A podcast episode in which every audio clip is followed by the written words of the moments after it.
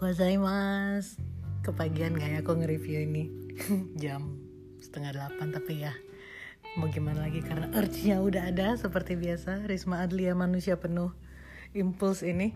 Jadi I just cannot help not to review it right now. Jadi kita kembali lagi ke Japan Week. Mungkin at this point kita bikin Japan Month kayaknya udah. Uh, Aku mau nge-review drama yang aku baru selesai nonton sekitar 4 jam.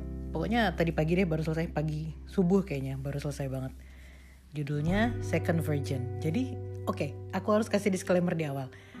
I'm not really into drama about cheating. Jadi aku sebenarnya nggak terlalu suka drama yang tentang selingkuhan gitu. Soalnya suka apa ya ngebikin jadi marah-marah sendiri emosional sendiri bete-bete sendiri gitu.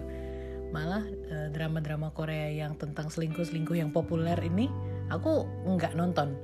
Kayak yang apa namanya VIP uh, eh, War of Marriage Couple terus apa yang baru-baru ini? Uh, Penthouse pokoknya yang yang ada banyak intrik-intrik dan selingkuh-selingkuh tuh aku biasanya nggak kuat nonton. Soalnya emosi gitu kan aku orangnya kayak gitu. Tapi ini untuk pertama kalinya aku hmm, apa ter terpikir untuk oh oke. Okay. padahal aku udah baca reviewnya gitu kan udah baca reviewnya aku bilang hmm maybe I will try. Terus aku coba satu episode. Dan sejujurnya uh, episode pertama itu yang bikin akhirnya oke okay, aku harus nonton sampai habis. Jadi ini agak unik sih. Kayak ini kayaknya drama pertama in a while tentang apa cheating kayak gitu yang aku nonton sampai habis dan aku suka dramanya. Oke okay, itu uh, makanya ini menurut aku agak aneh sih gitu. Cuma ya balik lagi I cannot help to like it gitu. Nah mungkin salah satu hal yang uh, bikin aku suka drama ini pertama kali adalah uh, drama ini dimulainya dengan ending. Nyamuk nggak maksudnya? Jadi uh, 5 menit atau 10 menit pertama drama ini uh, menceritakan tentang endingnya. Jadi oh ya satu lagi yang paling utama. Drama ini sebenarnya uh, bukan cuma satu poin yang biasanya normalnya aku nggak suka pertama aku nggak suka drama tentang cheating-cheating tentang selingkuh-selingkuh. Yang kedua biasanya aku nggak suka set ending. Tapi cara mereka bikin drama ini ngebikin aku yang nggak suka dua poin itu aku tuh bukan cuma nggak suka nggak suka banget gitu loh kayak menghindari dua poin itu.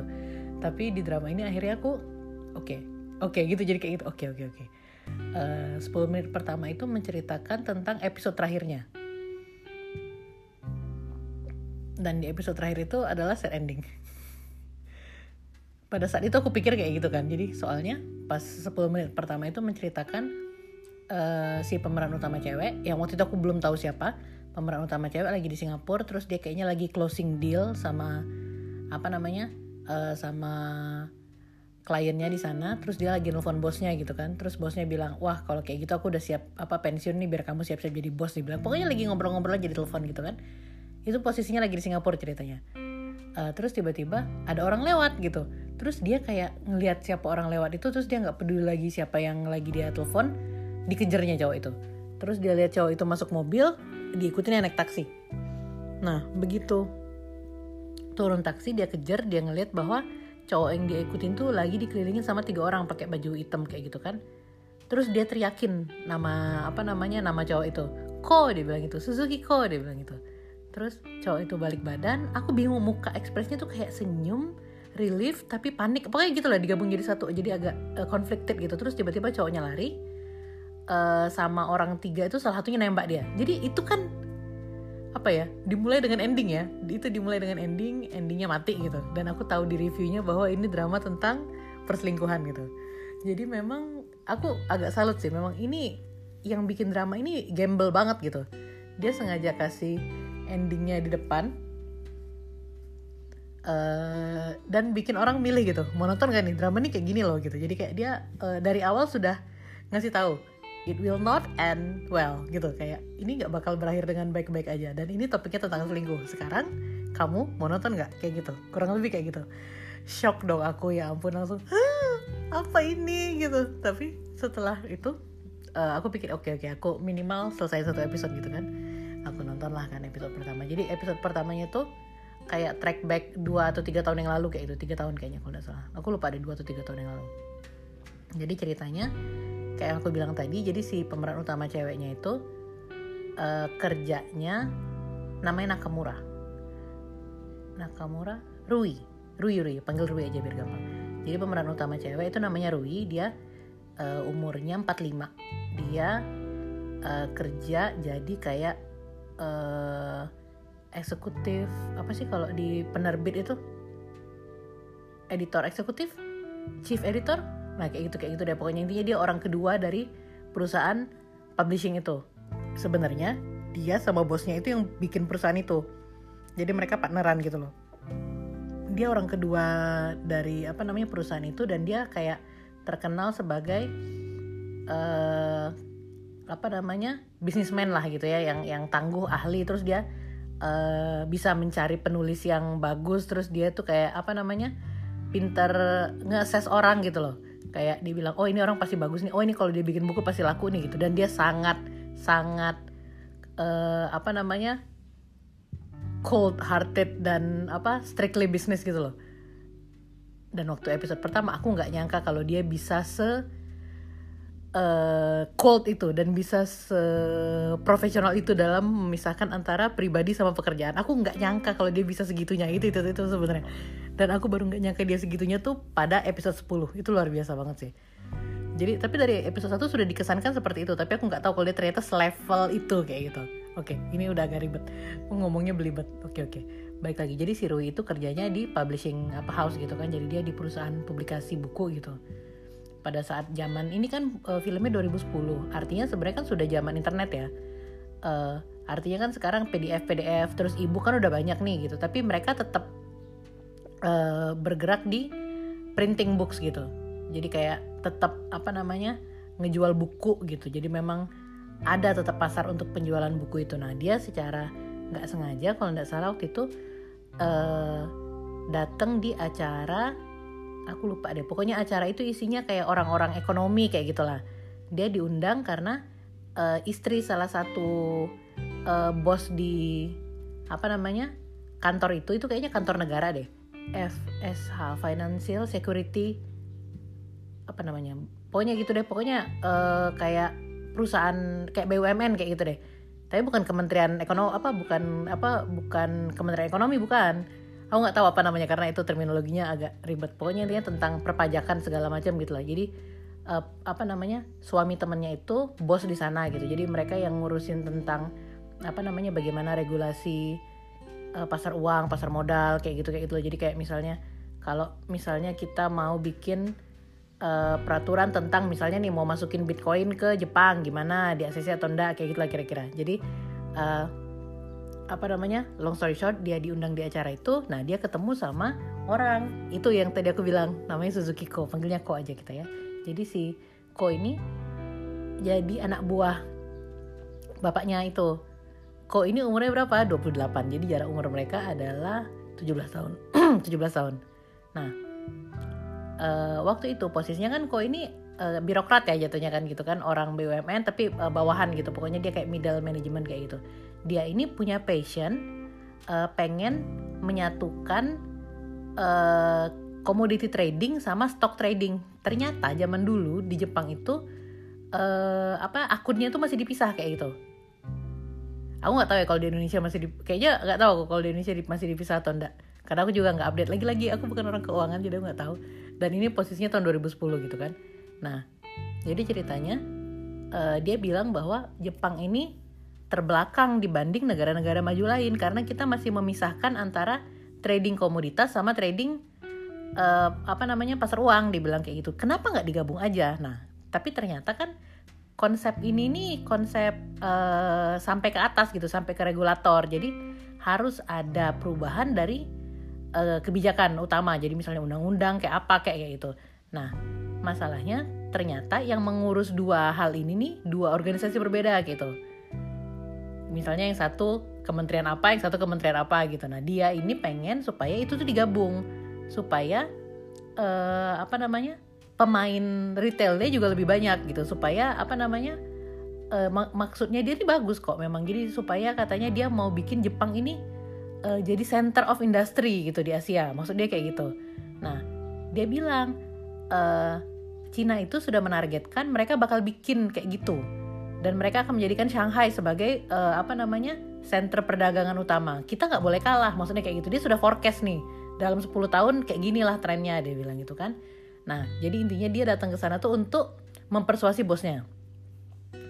Pas di sana ada Rui kan gitu. Jadi kayak sambil ngobrol-ngobrol terus akhirnya agak panas antara si apa namanya Ko sama bosnya gitu kan. Akhirnya dia apa namanya pergi keluar kayak storming out kayak gitu. Uh, si Rui ngobrol sama bosnya gitu. Uh, aku iri loh kamu punya apa namanya kamu punya anak buah kayak gitu dia bilang. Tapi dia panasan banget oh, dia bilang gitu kan apa namanya hot headed dia bilang gitu. Apa namanya temperamen banget dia bilang. Si Rui apa si Rui bilang if only I have an employee as passionate as him dia bilang. Jadi kayak uh, seandainya aja aku punya karyawan yang sepassionate dia kayak gitu. Jadi kayak dia bener-bener take his job seriously gitu loh bener-bener apa namanya uh, tahu apa yang dia mau dan itu tuh sebenarnya bukan buat keuntungan dia sendiri tapi for the greater good kayak gitu kan sebenarnya. Nah begitu uh, apa namanya selesai acara itu Rui itu ada pikiran yang berbeda. Karena kan tadi aku bilang dia kan kerja di publishing company kan. Tau nggak pikiran pertama dia apa? Karena dia lihat hubungan ini nggak bagus dan si Ko itu sudah kayak ngancem dia mau berhenti disamperin lah sama Rui. Ditawarin apa coba? Kalau kamu jadi mau berhenti dari FSA kamu mau bikin buku nggak? Jadi dia langsung apa namanya nge-approach Ko itu untuk bikin buku tentang apa yang dia bahas gitu. Dia bilang ini bisa jadi leverage buat kamu kalau kamu memang mau apa namanya kalau memang mau mengangkat isu ini bisa pakai buku supaya banyak orang yang dengar banyak orang yang baca dia bilang gitu kan. Dan kamu juga bisa dapat uh, royalti dari ini. Pokoknya kayak gitulah banyak lah omongannya kayak gitu. Tapi uh, kok ini masih pengen masuk lewat jalur regulasi. Nah sebenarnya waktu pertama kali ketemu itu uh, sudah kayak bukan bukan ada spark sih tapi kayaknya emang sudah ada spark dari awal gitu. Tapi dia kayak mengakses gitu loh. Dia lihat ah apa namanya dia kayaknya orangnya sincere. Ah tapi dia ini apa namanya nggak setia. Pokoknya kayak gitu gitulah jadi si si Ru itu sudah kayak nge dia gitu kan. Nah terus jadi ceritanya uh, timelinenya loncat 6 bulan kemudian dan 6 bulan kemudian uh, ternyata berhasil. Kayak gitu. Jadi uh, ininya tuh berhasil apa namanya uh, projectnya si Ko itu. Jadi intinya uh, Jepang itu melakukan amandemen kebijakan uh, terkait penggabungan trading dua-duanya. Jadi akhirnya diizinkanlah untuk apa namanya uh, apa namanya aplikasi trading online itu untuk mentrading komoditas dan bursa sekaligus kayak gitu. Nah, dan itu yang yang bertanggung jawab ngurusin itu adalah si Ko itu. Ini kan udah lewat 6 bulan ya ceritanya. Jadi dia intinya sukses ngepushnya kayak gitu kan sudah nggak jadi berhenti dong akhirnya waktu di apa waktu dalam enam bulan itu sudah terus tiba-tiba pas si Rui datang ke kantor nyamper konya gitu kan terus dia bilang e, oh ya selamat ya apa apa namanya apa yang kamu uh, rencanakan sudah sudah berhasil dia bilang kayak gitu. Terus kok bilang aku bakal berhenti dari FSA kan kaget kan Rui nya bilang lo kan kamu udah sukses ngapain ini? Apa namanya?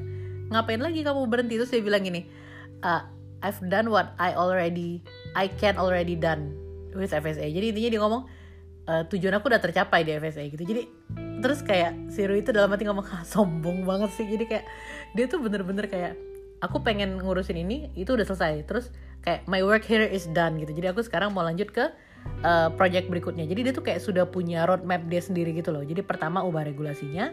Setelah ubah regulasinya dia akan leading bikin uh, startup untuk trading itu gitu. Karena pada saat itu kan regulasinya masih baru banget jadi belum ada yang bikin kayak gitu. Jadi dia uh, ngambil pasar itu untuk bikin duluan kayak gitu nah dia bilang aku rencana mau bikin ini ini ini. Dia bilang itu kan. Jadi aku setelah aku berhenti aku rencana mau bikin ini ini ini dia bilang. Tapi aku butuh modal.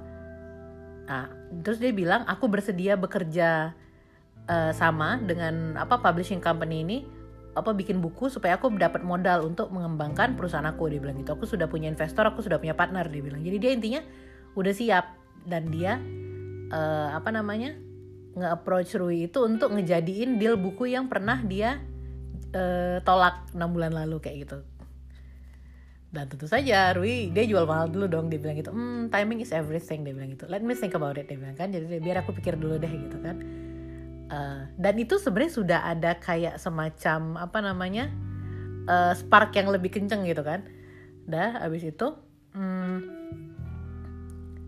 di ACC intinya itu di ACC uh, long story short akhirnya si Ko ini jadi kerjasama dengan apa namanya perusahaannya Rui dan satu lagi yang menurut aku luar biasa sih. Jadi Rui itu begitu sudah di link kerjaan dia nggak mau ketemu lagi sama Ko. Jadi dia langsung menyerahkan apa namanya uh, projectnya Ko itu semua ke editor. Jadi kayak mereka kan ada agentnya sendiri-sendiri gitu kan. Jadi uh, diserahkan semua dari tanda tangan proposal awal sampai launching itu dia si Ko itu bener-bener nggak -bener pernah ketemu lagi sama Rui. Jadi sebenarnya ya Rui itu kayak menghindar sih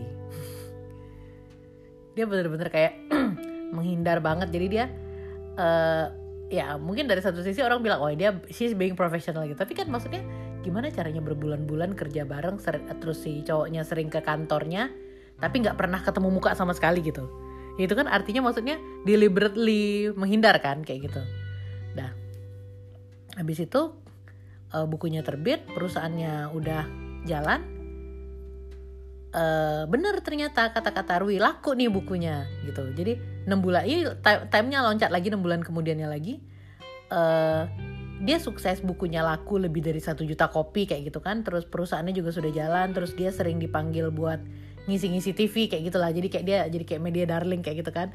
Dan itu sudah prediksinya si Rui dari satu tahun yang lalu. Dia dia kayak prediksi aku bener nih kayak gini kayak gini kayak gini kayak gitulah kira-kira.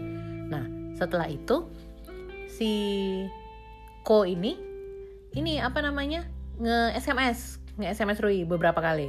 Intinya dia SMS nelfon terus titip pesen sama apa bawahannya segala macam lah. Intinya dia bilang kayak dia pengen ketemu.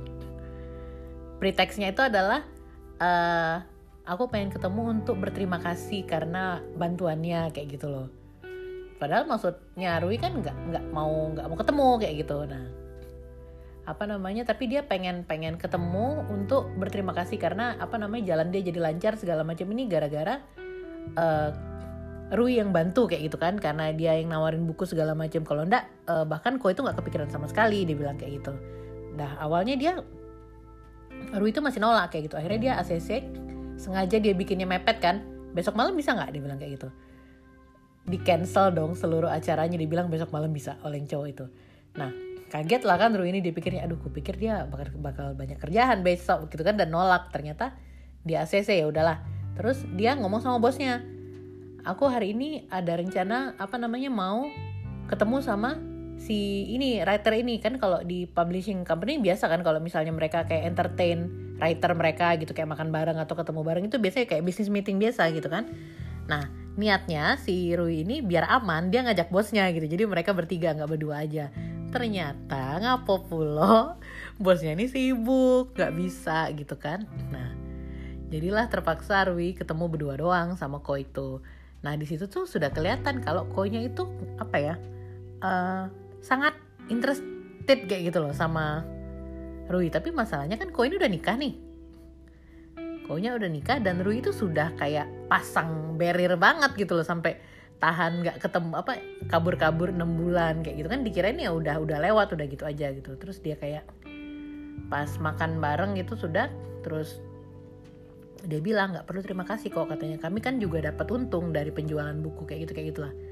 Nanti kalau misalnya apa namanya oh bilang kalau mau terima kasih sama aku janjiin kalau misalnya buku berikutnya uh, kerjasamanya dengan apa dengan publisher kami lagi ya gitu. Kayak bisnis banget. Terus dia di apa sih kok tuh nanya ada ada yang kamu mau nggak? Dibilang gitu. Ada yang Ruisa eh waktu itu dia masih nyebut nama keluarga sih. Aku lupa nama keluarganya. Nah Nakazawa atau apa gitu. Jadi dia bilang apa namanya pas ditanya ada yang kamu mau nggak dia bilang uh, what I want you can give.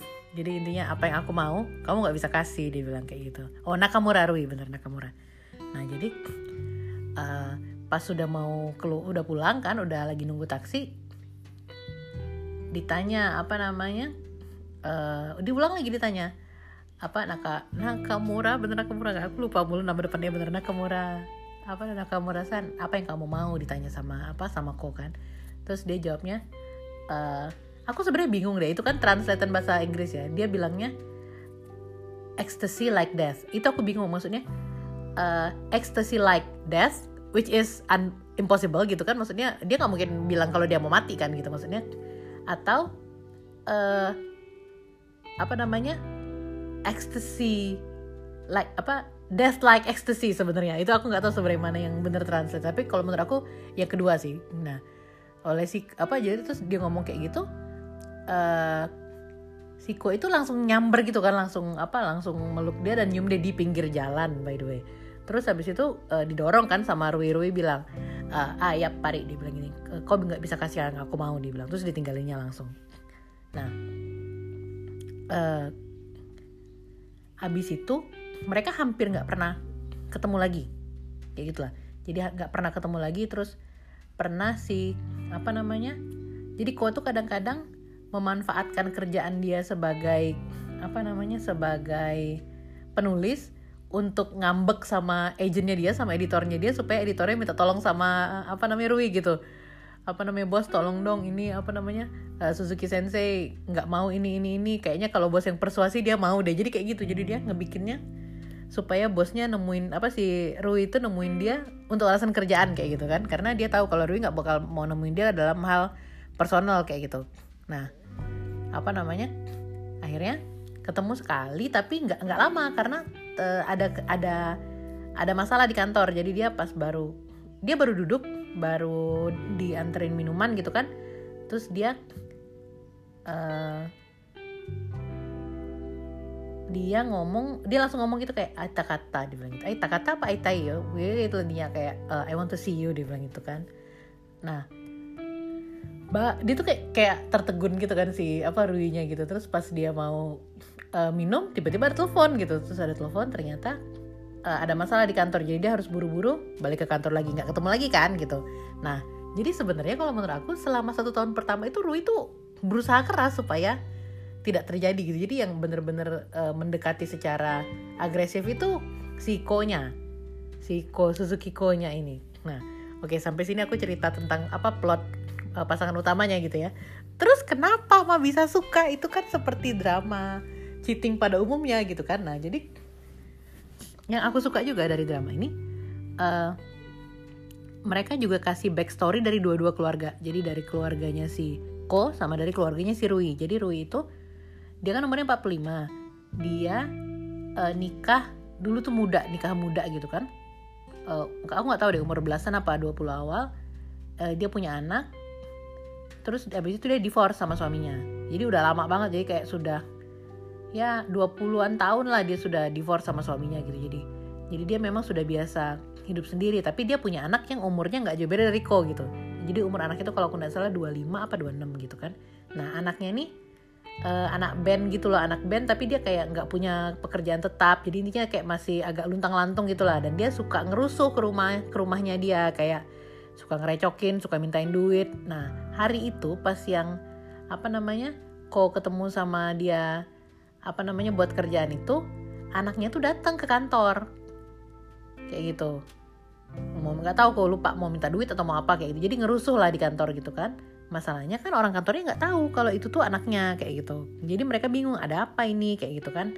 Nah jadi kayak diceritakan kalau Rui itu bener-bener uh, profesional dia nggak pernah berhubungan sama siapa pun. Dia bahkan nggak pacaran sama siapa pun bahkan dia tidak berhubungan seks sama siapa pun uh, setelah dari divorce dari suaminya kayak gitu.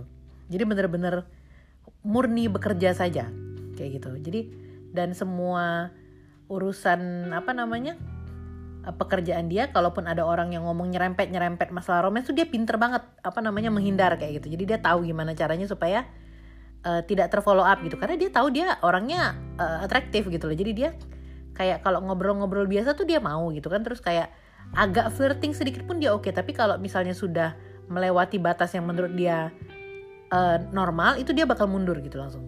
Dan dia tapi caranya itu sopan banget kayak gitu. Dia sudah tahu gimana cara apa namanya bertindak kayak gitu kan. Nah apa namanya dia tinggal di rumah besar sendirian sama kucingnya doang jadi dia bener-bener fokusnya mau ke kerjaannya dia dia nggak dia nggak mau uh, apa ngurusin apa apa pun lagi. Dan dia sebenarnya nggak ada nggak ada niatan untuk punya pacar atau nikah lagi gitu. Nah sekarang di keluarganya Ko jadi Ko itu uh, punya istri yang uh, mereka ketemunya tuh dari kayak apa namanya omiai gitu loh. Jadi kayak pertemuan kayak di, di dijodohin. Nah gitu. Kayak apa perjodohan perjodohan kayak gitu. Jadi kayak uh, arrange marriage gitu kan sama uh, anak satu-satunya dari uh, perusahaan mie yang lumayan terkenal di daerah apa namanya kayak provinsi mananya uh, Jepang gitu Nagasaki pokoknya something lah gitu. Nah jadi dia tuh sebenarnya nggak nggak yang suka sama istrinya gitu jadi jadi kayak cuma nikah out of convenience gitu loh gara-gara dijodohin gitu kan. Nah terus juga istrinya itu tipe housewife yang uh, apa namanya orang punya apa aku mau ini apa aku mau kayak gitu kayak gitu loh. Terus dia uh, apa namanya nggak pinter juga kayaknya kayak nggak nggak berpendidikan gitu. Terus kayak dia kalau misalnya apa sih kok itu cerita tentang kerjaannya dia nggak peduli. Pokoknya dia kayak ya dia ngurusin intinya hidup dia aja deh gitu. Apa namanya uh, dan target hidup dia adalah uh, istrinya itu adalah pengen punya anak. Jadi setiap kali dia ovulasi dia uh, apa namanya selalu apa minta berhubungan seks sama suaminya terus kaget uh, apa namanya pakai apa gerakan pakai apa yoga yoga kayak gitulah segala macam.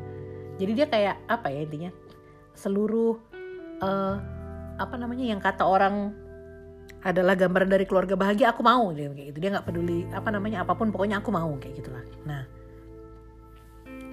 setelah mereka bukunya laku kan uh, apa namanya kebetulan juga kalau nggak salah kakak kakak atau saudaranya mana gitu si apa namanya istrinya Ko ini pindah ke Shanghai. Jadi rumah mereka itu apa namanya dikasihkan ke keluarga apa ke keluarganya Ko. Jadi e, mereka pindah lah gitu kan dari apa namanya dari rumah mereka yang pertama. Karena rumah mereka pertama tuh ini apa namanya kayak rumah dari pemerintah. Karena waktu itu kan dia kerja di FSA kan nah gitu. Jadi dia pindah ke situ ke rumah barunya. Ternyata nah makanya tuh aku tuh sebenarnya bingung kok bisa aku suka drama ini gitu. Tapi ya gimana. Ternyata rumah mereka depan-depanan sama rumahnya Rui kayak gitu. Mereka tuh awalnya sama-sama nggak ngeh kalau mereka tuh tetangga. Yang pertama kali ketemu sama Rui itu istrinya malah. Jadi agak belibet ya gitu dan posisinya waktu itu kan Rui masih menolak kan jadi nggak mau ketemu nggak mau segala macam kayak gitu. Jadi bener-bener apa ya? Ah aku bingung ah gemes gitu kan kayak istrinya ketemu beberapa kali sama si apa namanya sama Rui dan dia kayak sempat ngurusin kucingnya Rui beberapa kali juga kayak gitu. Sampai Rui yang nyaranin dia, kamu mau kerja jadi pet sitter nggak? Dia bilang kayak gitu. Jadi sambil kan dia nggak ada kerjaan kan, maksudnya daripada nunggu-nunggu di rumah sekalian ini apa namanya ngajak jalan anjing atau kucing itu kan rate-nya lumayan dia bilang kan gitu. Nah mereka kayak berhubung berteman gitu, cuma memang karena si istrinya ini agak apa ya tipe ya cewek manja gitu loh, jadi kayak kalau dia ngeluh tuh itu jadi kayak dia malah ngeluh tuh ceritanya sama si Rui gitu kan. Padahal Rui ini nggak ngerti apa apa nggak tahu apa apa dia bilang suami aku loh kayak gini suami aku loh kayak gini kayak gitu kayak gitu loh. Jadi kayak Rui tuh ya ya ya ya ya ya kayak gitu. Pas lagi sambil ngambil kucingnya atau kayak gimana gitu kan. Nah aku lupa deh waktu itu yang apa penentu utama mereka. Kalau aku nggak salah mereka sempet uh, ketemu lagi waktu itu. Oh eh saya, saya. Lupa lupa jadi waktu itu kan si Ko ini mau pergi ke luar negeri ada kayak pertemuan something gitu kan. Nah dia uh, nge SMS dia bilang kalau aku ada acara ke luar negeri minggu depan dia bilang gitu. Aku bisa ketemu kamu nggak kira-kira minggu ini dia bilang gitu kan. Nah jadi waktu itu Rui emang ACC kalau nggak salah ketemu. Tapi aku lupa deh waktu itu dia akhirnya ketemu atau enggak tapi uh, akhirnya uh, Rui sempat nyamper dan dia bilang kalau uh, lagi di kantor nggak? Aku lagi di dekat kantor nih. Wah seneng banget kok kan akhirnya si Rui-nya apa namanya SMS duluan gitu. Terus dia nyamper dia tuh kayak sampai lari loh naik turun tangga tuh lari gitu kayak excited banget. Nyamper terus langsung dipeluknya kak Rui gitu kan. Nah apa namanya waktu itu aku lupa deh lagi ada masalah apa Rui itu. Terus dia bilang kayak apa namanya kiss me dia bilang gitu kan. Terus habis setelah sudah dicium sama kok terus dia bilang uh, kayaknya nggak bisa deh. Langsung kayak gitu dia bilang kayak kayak Emnya bener-bener harus nggak bisa nggak usah lagi dia bilang gitu.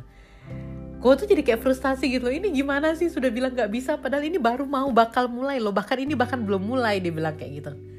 Ini baru baru banget mulai dan kamu udah bilang nggak bisa. Terus si apa namanya Rui bilang aku nggak bisa dia bilang.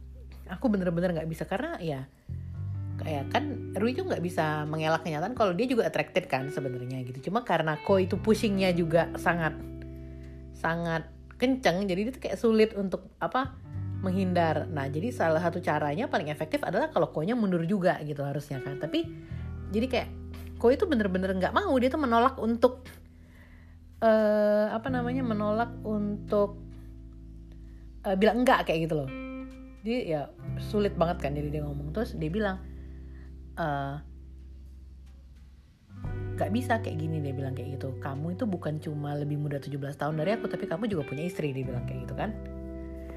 Ya pokoknya intinya uh, menolak lah masih sampai akhirnya. Pokoknya banyak banget deh itu kayak sebenarnya kalau aku pikir in ini agak agak agak cheesy sih. Cuma maksudnya cara mereka mengemas tidak cheesy jadi aku suka gitu. Uh, oh ini terakhir aku bakal cerita masalah plotnya nih. Abis itu kita berlanjut. Apa namanya? Uh, akhirnya kan dia bilang kan dia mau pergi ke luar negeri. Ternyata mereka tuh pergi ke luar negeri ke negara yang sama. Dan mereka ternyata nginep di hotel yang sama. Nah Rui itu kan kerja lagi interview apa namanya kayak director film gitu kan. Nah ternyata kelihatan sama Ko. Disamperinnya lah ke kamar hotelnya. Waktu itu juga nggak dibuka pintunya. Sama apa namanya sama Rui. Jadi Ko-nya sudah datang depan pintu gitu kan tapi nggak dibuka pintunya sama Rui. Nah malamnya itu si apa namanya director drama itu ngundang Rui untuk makan malam. Karena siangnya mereka kayak ada konflik sedikit gitu kan. Jadi intinya ada pertanyaan yang dipesankan jangan ditanya tapi Rui nanya kayak gitu. Jadi kayak uh, nggak nggak enakan lah waktu siang itu tapi pas malamnya uh, direkturnya minta maaf. Dia bilang saya minta maaf uh, apa namanya nggak enak tadi hasil interviewnya dia bilang. Terus dia menjelaskan tentang apa namanya apa yang dia apa apa yang dia tidak mau jawab tadi siang dia jawab malamnya gitu kan. Terus di sana tuh dia ada ngomong masalah apa namanya kamu lagi suka sama orang ya dia bilang gitu. Apa namanya kalau kamu memang suka sama orang uh, take a risk dia bilang kayak gitu. Pokoknya intinya kayak dia dapat pep talk dari orang itu bahwa kamu suka ya suka aja nggak apa-apa gitu. Kalau memang kamu pengen apa namanya melakukan sesuatu dengan dia ya take a risk dia bilang kayak gitu. Nah jadilah akhirnya dia apa namanya terpicu lah Rui itu gara-gara apa namanya pep talk dari si bapak director itu kan dia nyamper lah ke apa namanya uh, kamarnya kok tapi koknya lagi nggak ada. Nah pas dia lagi jalan mau pulang kayak ya, ya sudah pasrah gitu kan. Pas dia mau jalan keluar eh koknya dateng kayak gitu ya. Sudah lah akhirnya mereka memutuskan untuk pacaran di Singapura itu. Nah intinya ah ini udah panjang banget. Aku terlalu banyak spoiler ini but I cannot help it seperti biasa. Jadi intinya long story short akhirnya mereka jadian kan mereka jadian dan sempet berapa episode itu nggak ketahuan. Tapi uh, si apa namanya si Rui ini beberapa kali berusaha untuk nyetopin kayak gitu. Jadi kayak nggak usah nggak usah nggak usah nggak usah nggak usah nggak usah kayak gitu kan. Intinya nggak usah aja nggak usah aja. Tapi yang Ko ini nggak mau gitu dia nggak mau tahu gitu. Nah si istrinya Ko ini kan walaupun dia nggak mencurigai mereka ada selingkuh atau kayak gimana dia kayak memang apa ya? Uh, pokoknya intinya dia uh, pengen melakukan segala macam hal supaya kok itu apa namanya uh, tertarik sama dia lah segala macam. Nah ternyata kemarin itu dia ngerasa dia hamil. Dan dia curhat sama Rui. Coba lah kebayang lah frustasinya Rui kayak apa? Sampai dan ternyata dia tuh nggak hamil. Jadi kayak setelah berapa minggu tuh dia ternyata mens tapi dia nggak kasih tahu sama suaminya dia sengaja kayak gitu. Dia sengaja nggak ngasih tahu. Jadi kayak ya bingung lah gitu kan. Uh, dia sengaja nggak ngasih tahu itu kenapa? Karena uh, Rui apa karena si Ko itu sudah bilang kalau dia mau divorce gitu. Jadi abis dari pulang ke Singapura dia tuh bilang sama uh, aku lupa deh abis dari pulang Singapura atau sebelum pulang Singapura gitu dia si Ko itu udah bilang sama istrinya aku mau divorce dia bilang kayak gitu kan. Tapi istrinya tuh ngotot nggak mau kayak sampai kayak apa namanya ngiris tangan lah apa namanya bawa mama papanya ke rumahnya lah. Pokoknya kayak gitu dah pokoknya. Jadi intinya uh, kok itu sudah minta divorce sebenarnya beberapa kali kayak gitu. Dan uh, akhirnya karena si apa namanya istrinya itu apa namanya ngerusuh ngomong dia hamil lah ngomong dia segala macem lah sampai datang ke kantornya Rui buat curhat lah sampai ngerepotin gitu. Sampai Rui itu sampai nggak tahan lagi. Dia mutusin hubungan sama Ko dan dia nginep di hotel gitu saking nggak mau ketemunya. Jadi mereka tuh kayak on and off and on and off gitu kan sampai akhirnya shit happens all hell break loose gitu kan istrinya tahu terus terjadi balak beruntun. Dan akhirnya ya kayak yang aku bilang tadi di awal banget uh, apa scene yang ada di episode 1 itu adalah scene yang ada di akhir episode 9 yang Ko-nya ditembak itu. Dan benar Ko-nya ditembak dan di episode 10 Ko-nya meninggal. Dan yang nemenin Ko di Singapura itu adalah uh, Rui. Kayak gitu wah itu aku bilang aduh ya ampun ini pusing banget. Tapi cara mereka mengemasnya itu bagus gitu. Jadi nggak dibikin bener-bener apa sedih atau kayak gimana. Yang aku tadi bilang juga masalah apa namanya uh, aku baru tahu profesionalismenya Rui ini bener-bener dia bisa seprofesional itu dan dia se cold blooded itu. Jadi kan akhirnya Rui sudah jadi apa sudah jadi bos kan ngegantiin apa seniornya yang akhirnya sudah pensiun gitu kan. Nah waktu itu ada problem jadi distributor mereka itu bangkrut sedangkan distributornya itu ngutang duit ratusan juta yen sama uh, publisher itu. Sedangkan mereka butuh duitnya kan. Artinya kan mereka nih uh, terancam bang apa bukan bangkrut sih, terancam rugi kan karena duit itu banyak gitu. Jadi dia bilang adalah cara kita untuk mengatasi ini adalah kita uh, cari penulis sebanyak-banyaknya. Kita harus bikin bestseller sebanyak-banyaknya. Jadi pas mereka bergerak nyari bestseller semuanya, salah satu orang yang di approach Rui tau gak siapa? Istrinya Ko. Dia menawarkan istrinya Ko untuk bikin buku tentang bisnis dia yang baru. Jadi istrinya Ko itu saking bitternya sama hubungan mereka dia sampai bilang aku nggak cukup ngelihat mereka berdua menderita aku pengen sukses dan lebih bahagia daripada mereka. Jadi dia kayak bikin bisnis dengan duit bapaknya kan. Bapaknya yang punya perusahaan mie gitu kan di daerah itu kan. Jadi dia bikin uh, makanan anjing uh, apa namanya makanan anjing eh bukan makanan anjing ini makanan hewan organik kayak gitu lah. Nah si Rui itu menawarkan uh, dia untuk bikin tentang uh, cerita perjalanan hidup dia kayak kayak gitulah. Terus dia bilang kalau aku bikin buku ini aku bakal ngebahas tentang kalian berdua loh. Nggak apa-apa dia bilang. Aku bakal ngata-ngatain kamu sama Kolo nggak apa-apa dia bilang itu jadi intinya selama apa namanya selama uh, buku itu dipublis dalam uh, publishingnya mereka dia nggak masalah uh, si apa namanya mantan eh si istrinya Ko itu ngatain dia ngatain Ko uh, apa ngejelek-jelekin mereka atau segala macem dan dia tidak bakal uh, melawan sama sekali. Aku ya ampun nih orang aku bilang sampai ya ampun gitu loh. Aku sampai udah nggak ngerti sampai orang-orang kerja sama dia juga udah nggak ngerti gitu. Terus kan yang si istri itu kan memang apa ya namanya uh, handful gitu ya. Sampai dia waktu mau interview dia, dia bilang aku cuma mau interview kalau misalnya Rui yang yang interview aku dan tetap masih nyerang. Dia tuh bener-bener ofensif gitu loh. Dan biasa aja diem aja kalem aja. Aku bilang ya ampun ini orang. Maksudnya kayak luar biasa gitu loh. Ya I know about professionalism gitu. Tapi but selevel itu tuh gila nggak nyangka banget aku. Aku yang kayak terkaget-kaget sih. Bener-bener sesuai definisi terkaget-kaget banget. Jadi aku ya iya kaget. Aku udah bilang kaget kan kayak gitu lah nah endingnya kayak gitu jadi.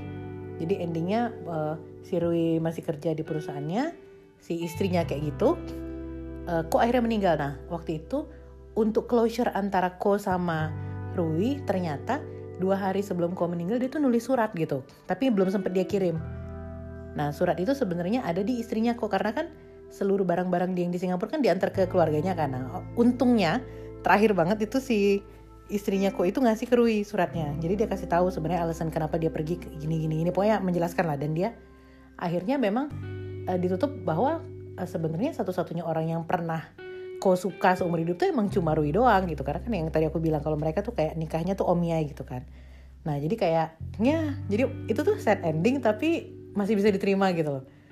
Tapi uh, dan it it ended nicely. Dramanya dramanya ya. Bukan bukan hidupnya ko nya gitu. Ko nya meninggal sih. Cuma maksudnya dramanya itu closure-nya bagus gitu. Oke okay, kayak gitulah aduh plotnya panjang banget. But I cannot help it seperti biasa. Baiklah kalau masalah pairing favorit tentu saja Rui sama Ko itu aku suka chemistry-nya bagus, dramanya ya. Chemistry-nya bagus terus mereka kayak tarik-tarikannya tuh dapet gitu. Aku suka. Sebenarnya ada pasangan satu lagi tapi karena nggak terlalu di highlight jadi nggak terlalu kelihatan. Jadi uh, pasangan satu lagi itu adalah bosnya sama pacarnya. Jadi uh, bosnya itu kan punya istri punya anak, tapi ternyata dia baru sadar kalau dia itu kayak biseksual gitu. Jadi intinya dia punya pacar cowok Nah tujuan dia pengen pensiun secepatnya itu adalah dia pengen pindah ke uh, daerah jauh dari mana-mana. Dia mau bikin restoran cuma berdua sama pacarnya doang kayak gitu loh. Itu sebenarnya lumayan cuma karena nggak terlalu banyak diceritain jadi nggak bisa dibahas juga. Ada satu lagi sebenarnya anaknya si Rui sama pacarnya. Nah pacarnya itu juga cewek lebih tua gitu loh. Jadi kayak hampir seumur sama mamanya. Tapi itu nggak terlalu bagus hubungannya kalau kata aku. Malah sebenarnya hubungan antara pacarnya anaknya Rui sama Rui lebih bagus. Jadi mereka malah temenan gitu. Emang unik luar biasa. Tapi aku salut sih. Aku dari seluruh itu aku paling salut dengan apa namanya ketegasan, ketegaran dan profesionalisme kerjanya Rui aku biasanya bener-bener nggak suka loh sama cerita selingkuhan kayak gini dan aku kayak selalu bilang bahwa apa pun ceritanya yang selingkuh itu salah gitu kan gitu kan gitu kan gitu cuma kalau drama ini I cannot help it gitu gimana dong gitu aku nggak mengubah stance aku tapi but I kind of get it tapi ya kalau misalnya dibilang tapi kalau mas sendiri gimana? Ya kalau itu kejadian di Ma mungkin karena kita punya value-nya beda ya gitu kan. Kalau kita kan cenderung negara beragama atau kayak gimana gitu. Jadi kayak boro-boro mikir selingkuh yang sampai selingkuh beneran gitu kan. Apa namanya? Ngedeketin orang kita tahu dia ada cincinnya aja tuh mikir seribu kali kayak gitu kan. Jadi kalau kalau aku sih tipenya aku suka sama orang itu masalahku jadi kayak itu urusannya sama perasaan aku gitu. Kayak dan kalau orang yang entah aku suka atau enggak tapi dia udah nikah dan dia approach itu aku pasti mundur sih gitu. Karena itu pernah terjadi sebelumnya. Dan mah kayak ya kabur kabur lagi lah aja gitu. Itu masalah value sih masalah personal value. Karena ini settingnya kan di Jepang jadi ceritanya nggak ada pikiran masalah apa namanya agama atau apa gitu kan. Kalau aku nggak cuma maksudnya uh, I cannot help to apa ya root for her in a way gitu. Jadi kayak ah ya ampun gitu karena ya mungkin itu juga sih uh, apa peran backstorynya. Terus kayak kita tahu bahwa strugglingnya Rui itu kayak gimana. Dia tuh bukannya nggak menolak atau dia tidak menahan diri. Itu setahun lebih loh Rui-nya kabur kayak gitu kan untuk tidak memfollow up relationshipnya gitu. Ya tapi kan ada orang yang bilang ya tapi kan kenyataan kalau akhirnya diselingkuh selingkuh aja ya. Ya udahlah itu terserahlah kalian. Aku cuma nonton drama aja. Dan aku suka dramanya. Oke nilai nilai I will give it a nine. Nine everyone. It's a nine. Dan untuk memberi rekomendasi aku kasih 9 juga. Jadi ini sebenarnya dramanya udah lama kan? Dramanya tahun 2010 tapi sampai sekarang settingnya menurut aku tetap oke. Okay dan aku heran kenapa ini nggak populer. Ya nggak tahu ya mungkin karena Jepang kan cenderung eksklusif gitu. Jadi memang dramanya nggak ke mana-mana gitu. Tapi menurut aku ini bagus. Dan nggak berlebihan kayak gitu. Kayak apa namanya? Nggak yang terlalu wow wow wow banget dramatis banget tuh nggak itu mungkin yang bikin aku jadi suka juga mungkin kayak gitu kira-kira ah sudah panjang oke oke oke uh, terima kasih sudah mendengarkan kerusuhan aku pagi ini mungkin Japan Week atau Japan Month ini akan berlangsung sedikit lagi, agak dipanjang-panjangin dikit. Gimana? Kenapa banyak banget loh checklist aku ini? Tapi biasanya jadi masalah itu adalah checklist aku itu jadi tenggelam kalau aku ada impuls kayak gitu loh. Jadi yang rencananya mau dikerjain abis ini itu jadi mundur lagi kan gara-gara aku sudah nge-review drama yang lain gitu. Ini nih Second Virgin ini tidak diduga aku mau nonton soalnya. Hah, sulit. Kayak gitulah kira-kira. Baiklah, baiklah. Udah, udah. Kita udahan dulu. Baiklah, nanti ketemu lagi dengan review berikutnya di Kak Ma di kamar aja, masih di kamar aja. Walaupun aku sudah vaksin, aku tetap mengusahakan diri untuk di kamar aja kalau nggak ada keperluan banget. Kalau ada keperluan aku sekarang udah bisa keluar rumah sedikit-sedikit. Kayak gitulah kira-kira. Mari kita semua menjaga kesehatan. Jangan lupa kalau sudah ada saatnya vaksin, ayo kita vaksin. Sampai ketemu lagi di Kak Ma di kamar aja berikutnya. Bye-bye.